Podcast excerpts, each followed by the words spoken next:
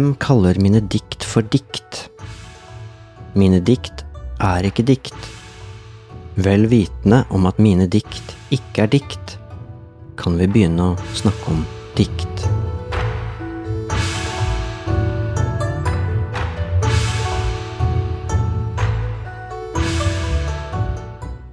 Denne teksten er skrevet av Rjukan, som levde mellom 1757 og 1831.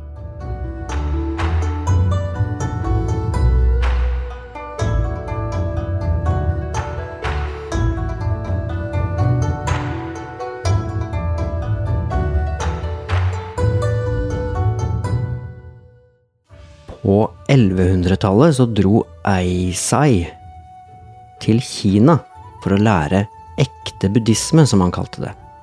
Han syntes ikke det de holdt på med i Japan på denne tida, svarte til de kravene og forventningene til det han ønsket at buddhisme skulle være.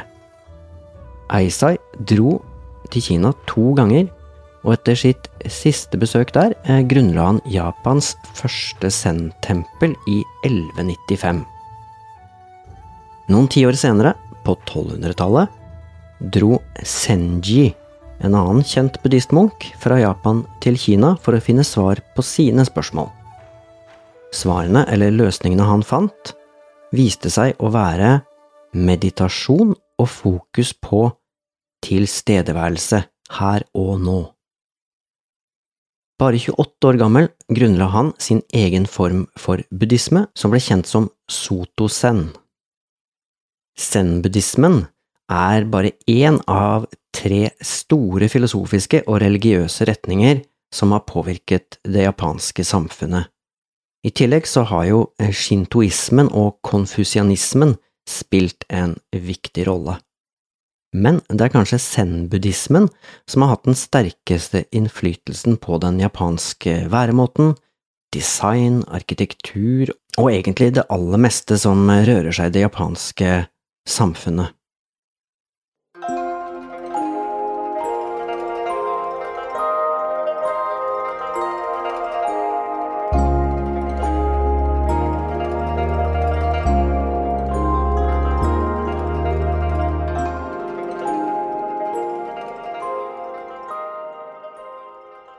Det er mange som snakker om at det finnes en egen zen-estetikk i Japan.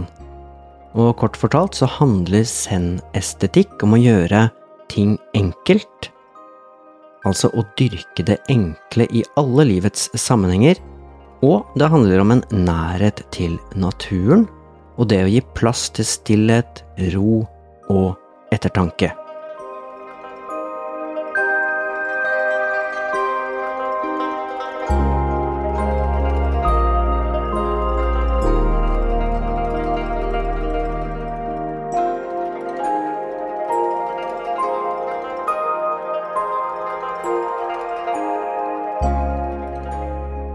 Hva har det her med judo og kampsport å gjøre, tenker du kanskje. Og da vil jeg først si at jeg har aldri blitt presentert for noen religiøse over- eller undertoner i min kampformtrening, uansett om det har vært judo, karate, taekwondo, kendo eller aikido eller hva som helst. Men om du ser litt nærmere på noen av de grunnleggende sidene ved zen-estetikken, ikke zen-buddhismen altså, men estetikken som er knytta til zen, så finner du mange mulige koblinger til kampformer. Og det er det det skal handle om i denne episoden av Judomania. Jeg heter Arne Midtlund, og du hører altså på Judomania, som er en podkast om judo, kampsport og selvforsvar. Og her fokuserer jeg på de historiske og kulturelle sidene ved kampformer fra Japan og Asia. Sjekk gjerne nettsidene på judomania.no. Der finner du 400 artikler om alt som på en eller annen måte kan kobles til judo, kampformer og selvforsvar. Og du, gi meg gjerne fem stjerner og en liten omtale på Apple Podkast hvis du hører på denne episoden derfra. Noen av dere har allerede gjort det, tusen takk for det. Det er kjempestas å få litt tilbakemeldinger. Nå tilbake til zen-estetikken.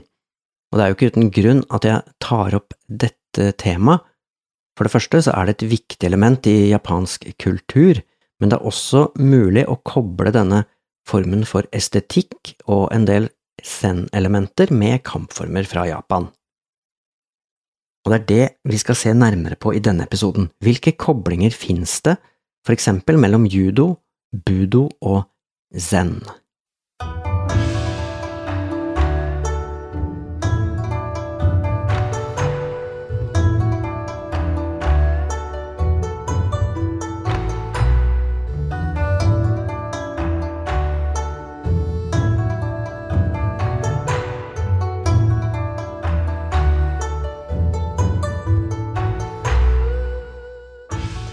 Når det gjelder det åndelige aspektet, så er det forsvinnende lite av akkurat det på en ordinær judotrening.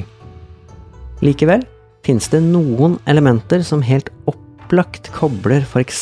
zen-tankegangen og kampformer sammen. Et godt eksempel er at man så å si overalt på alle judotreninger i hele verden praktiserer en form for knelende hilsing før og etter trening, og at det gjerne legges opp til en kort gjerne bare 10-20 sekunders meditasjon etter trening. Da sitter man på knærne, så sier treneren mokso, og så lukker man øynene i kanskje 10 sekunder, og så hilser man. Det finnes flere hint i litteraturen og i uttalelser og sitater fra blant andre, eller kanskje spesielt fra, Jigoro Kano, grunnleggeren av judo, om at judo skulle være noe annet eller noe mer enn kun en sport. Judo er en metode for å kunne bruke både fysisk og åndelig styrke mest effektivt. Ved å trene på angrep og forsvar forbedrer du kropp og sjel, og på denne måten blir den spirituelle bestanddelen av judo en del av din eksistens. Du vil slik kunne perfeksjonere deg og bidra til utviklingen av en bedre verden. Dette er målet med judo. Dette er Igor Kanos ord slik de er blitt sitert i boka Dynamic Judo fra 1967. Akkurat som på norsk så finnes det mange ord på japansk som tar for seg estetikk, fokus på det enkle og at ting skjer litt og litt. Det kan være ord som zen, som vi allerede har vært så vidt inne på, det kan være snakk om wabi-sabi, som handler om å godta det ikke-perfekte eller det kan være kaizen, som handler om de små endringene som bidrar til perfeksjon, eller det kan være shibumi, som handler om fokus på det enkle, og alle disse ordene har litt sånne overlappende betydninger. Det er sikkert mange andre ord også, jeg kan jo ikke japansk, men de begrepene jeg nå har nevnt, er de jeg oftest støter på når jeg er på jakt etter eh, informasjon om de estetiske sidene ved kampformer. Derfor synes jeg det kan være en idé å se nærmere på den delen av den japanske estetikken som kalles zen-estetikk, og den har jeg flere ganger sett bli knytta sterkt opp mot shibumi, og at det ofte vises til syv sentrale prinsipper i denne sammenhengen. Og nå skal vi se på disse syv prinsippene.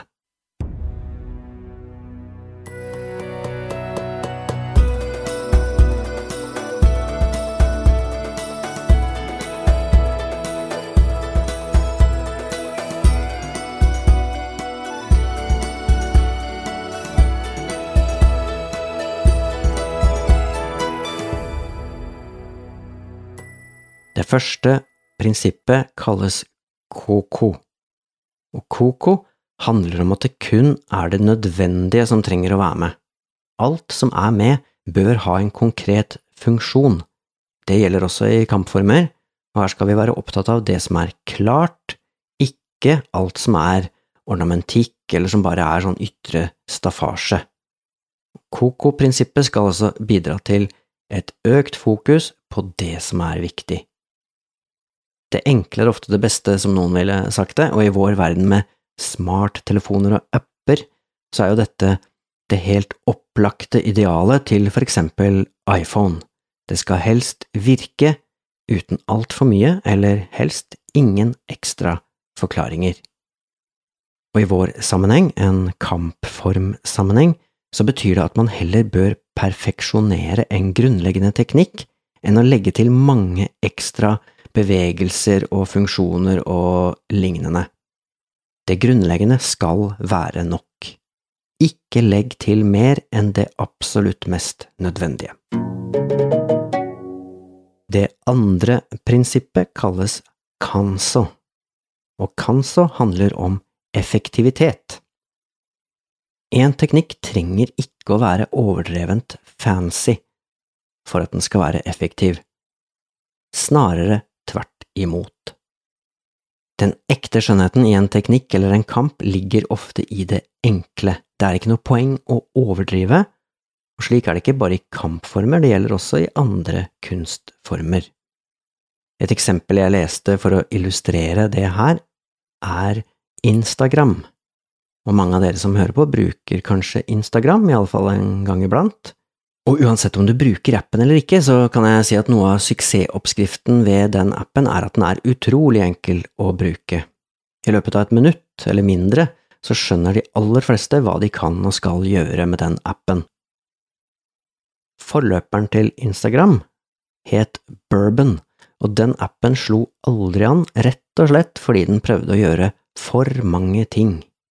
Med den appen kunne man sjekke inn på steder, planlegge steder man ønsket å sjekke inn på i framtida, man kunne få poeng for å være sammen med venner, og man kunne dele bilder og mye, mye mer.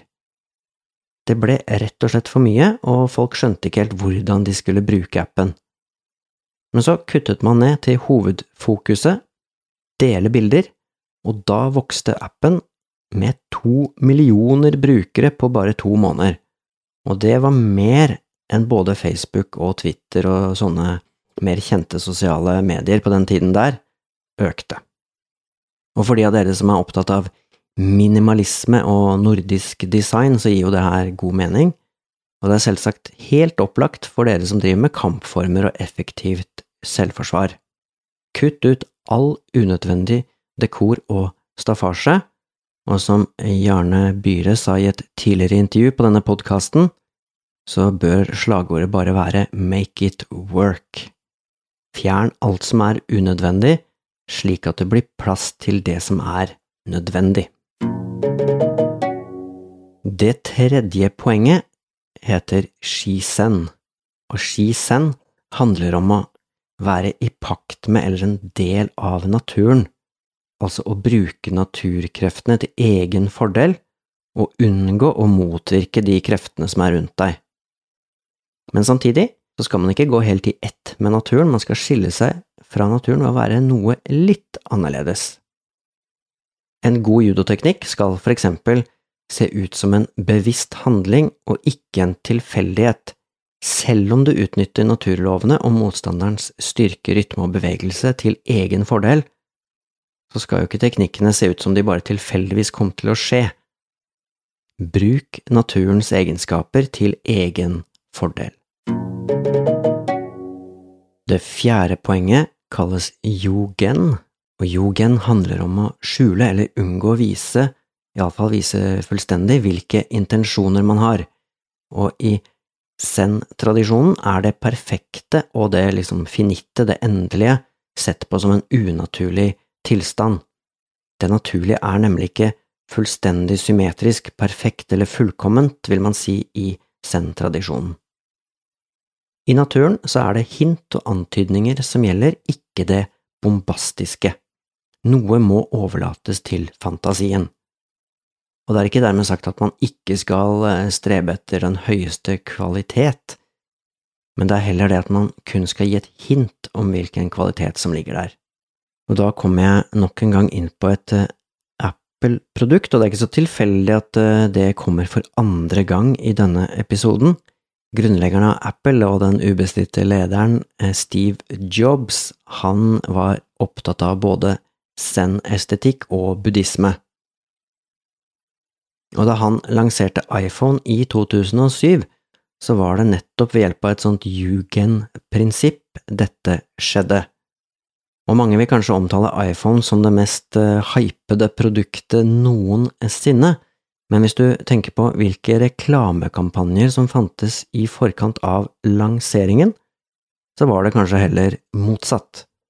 Den første iPhone ble kun presentert én gang, på en teknologimesse, Macworld i 2007. Det var kun Steve Jobs som sto på en scene og hadde en presentasjon der han viste fram produktet, og deretter kom det ingenting fra Apple om dette nye produktet. Absolutt ingenting. Det var ingen reklamekampanjer, ingen informasjon, ingenting, før selve produktet ble lansert i butikkene. Og resultatet kjenner alle, det ble en vanvittig stor interesse for produktet, og folk gikk mann av huset og lå i kø for å få kjøpe den første iPhonen. Hvis vi skal prøve å overføre dette her til en judo- eller kampformtrening-sammenheng, så er det for eksempel sånn at blikket til en utøver kan avsløre planene man har, derfor er mange trenere opptatt av at utøverne skal ha et nøytralt blikk, og at man ikke skal feste blikket på føttene til motstanderen eller lignende, for å signalisere planene man har. Tenk også på de aller beste fotballspillerne, for eksempel, som tilsynelatende slår en perfekt pasning nærmest i blinde. Da har jo de allerede på forhånd orientert seg sånn at de slipper å annonsere planene sine overfor motspillerne. Gi kun den aller mest nødvendige informasjonen og overlat resten til fantasien.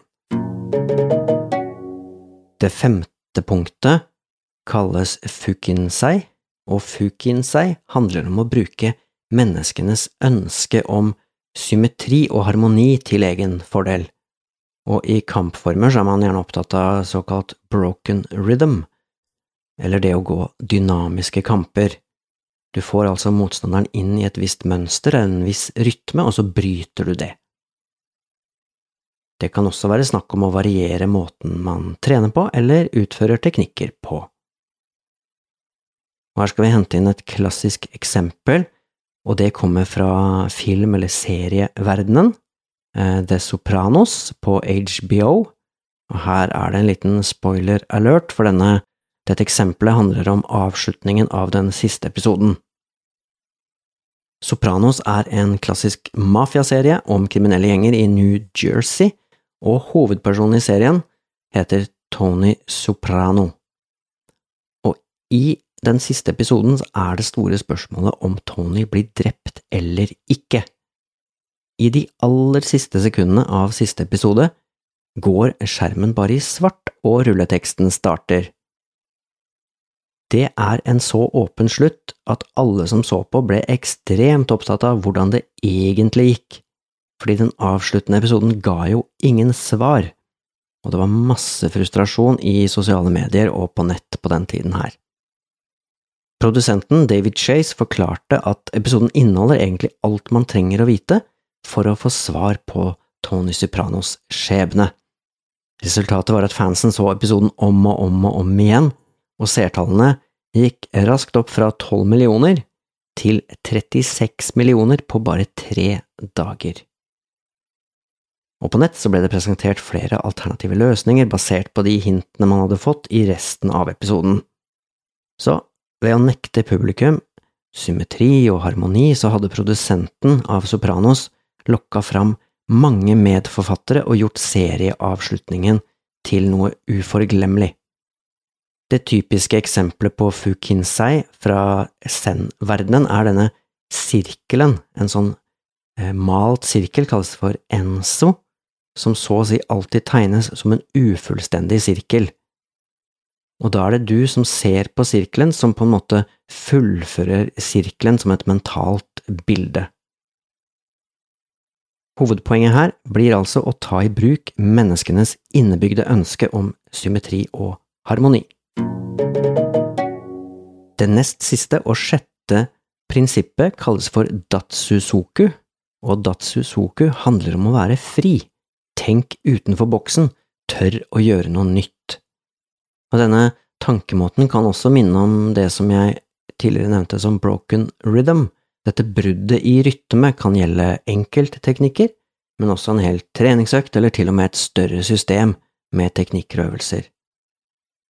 Personlig så har jeg veldig sansen for de trenerne som en gang iblant prøver ut helt nye aktiviteter og måter å øve på, for det skaper, synes jeg, interesse, motivasjon, og det gjør det spennende å møte opp på trening. Og for over 20 år siden så var jeg på kurs med den svenske judotreneren Wolfgang Bidraa, og han pratet om å endre hver økt minst 30% sånn at det alltid var noen uforutsette elementer når du møtte opp på trening. Et brudd på den vanlige rutinen kan frambringe kreative løsninger. Det syvende og siste prinsippet kalles seijaku, og seijaku handler om stillhet og ro. Og her er meditasjon et aktuelt stikkord, og det er også, som jeg nevnte, mange trenere, judotrenere, som avslutter judoøkta med mulighet til litt sånn stille ettertanke. Det kan bare være i ti sekunder, men det kan ofte være nok. Og en person som praktiserer zen, vil kanskje hevde at det er i øyeblikk som er preget av ro, stillhet og meditasjon at vi finner fram til essensen, kjernen i vår egen kreative energi. Og det er kanskje vanskelig å være kreativ om du ikke gir eh, hjernen ro og stillhet og tid til nettopp det å være kreativ. Hovedpoenget her er å gjøre noe er ikke alltid bedre enn ikke å gjøre noe.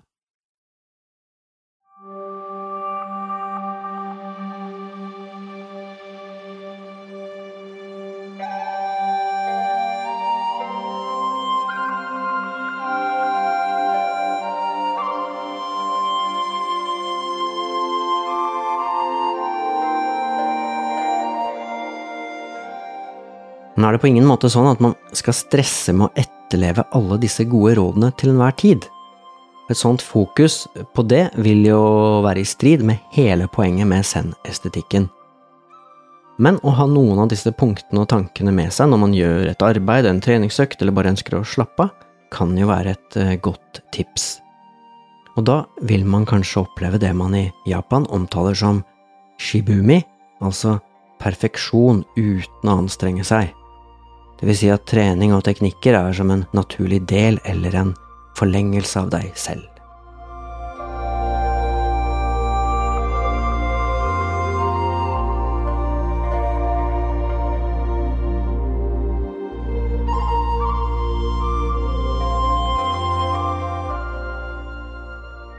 Med det er det på tide å avrunde denne episoden. Likte du det du hørte? Tips gjerne andre om denne podkasten. Og om du ikke har gjort det, husk å gå inn på Apple Podkast hvis det er der du hører på dette, og gi noen stjerner til denne podkasten. Det hadde vært veldig fint. Takk for at du hørte på. Ha det bra.